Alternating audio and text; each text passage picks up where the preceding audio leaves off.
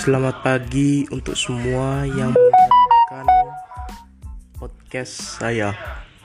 Perkenalkan, nama saya Ari Prasetya Tanugraha, absen 4 dari 11 IPS 4. Nama panggilan saya Arif.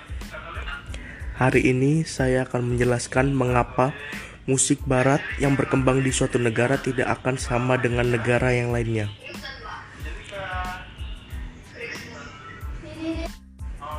Yang pertama sudah pasti karena di setiap negara memiliki keunikan masing-masing dan memiliki keberagaman adat masing-masing. Seperti halnya di Indonesia, setiap daerah memiliki alat musik yang berbeda-beda beragam. Dari alat musik yang berbeda ini dapat menciptakan suatu jenis musik yang berbeda seperti dangdut ataupun DJ remixan dan hal-hal lainnya. Itulah sebabnya mengapa musik-musik yang berkembang di suatu negara berbeda dengan negara lainnya. Oke, sekian dari saya. Terima kasih.